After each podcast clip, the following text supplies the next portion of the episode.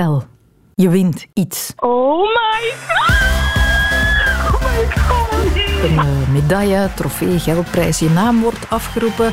Je mag je prijs gaan halen, je krijgt bloemen en in sommige gevallen een fles champagne in je handen geduwd. Vaak is dat in de sportwereld. En dan is het de bedoeling dat je die fles enthousiast gaat schudden, ontkurken en dat je wilte champagne over de toeschouwers rondspuit.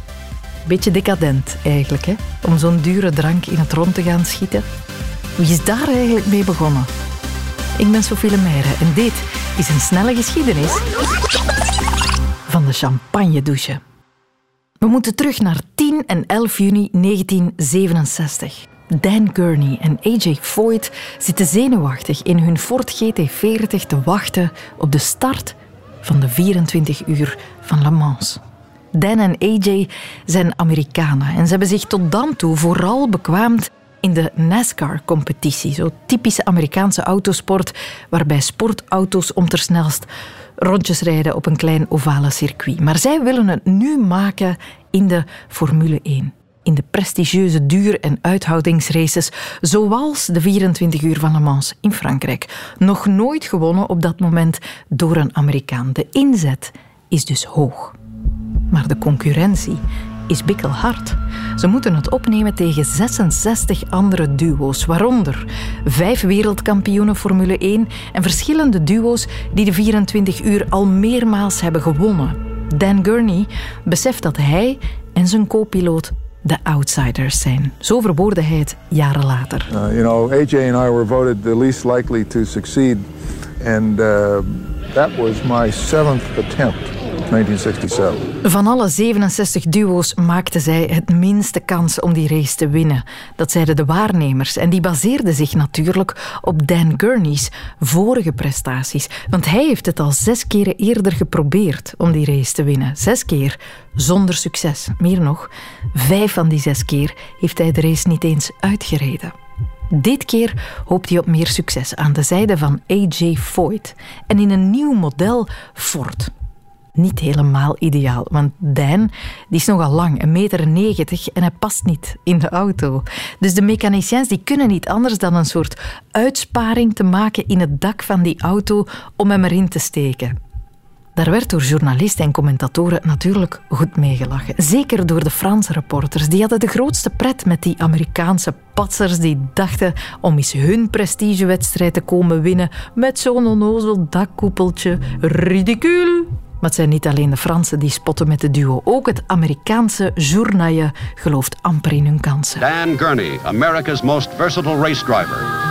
AJ Foyt, three-time winner at Indy, but here at Le Mans, he's only a rookie. He's never driven the track before, and this is the first time he's been in the sleek new Ford. Om maar te zeggen, Dan Gurney en AJ Foyt hebben niet de beste papieren en alle redenen om zenuwachtig te zijn. En dan klinkt het startschot.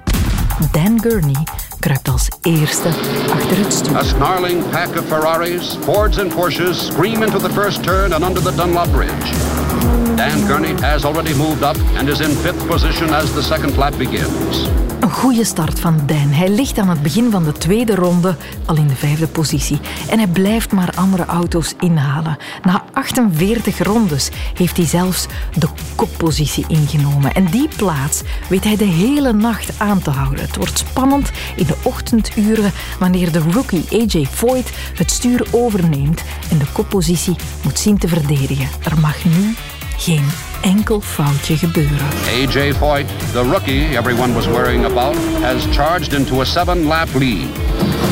Now, he is within a breath of winning the toughest, most grueling, and the most significant endurance race of them all. Ze het dan toch klaarspelen, die twee? Gaan Dan en AJ tegen alle verwachtingen in de 24 uur van Le Mans winnen?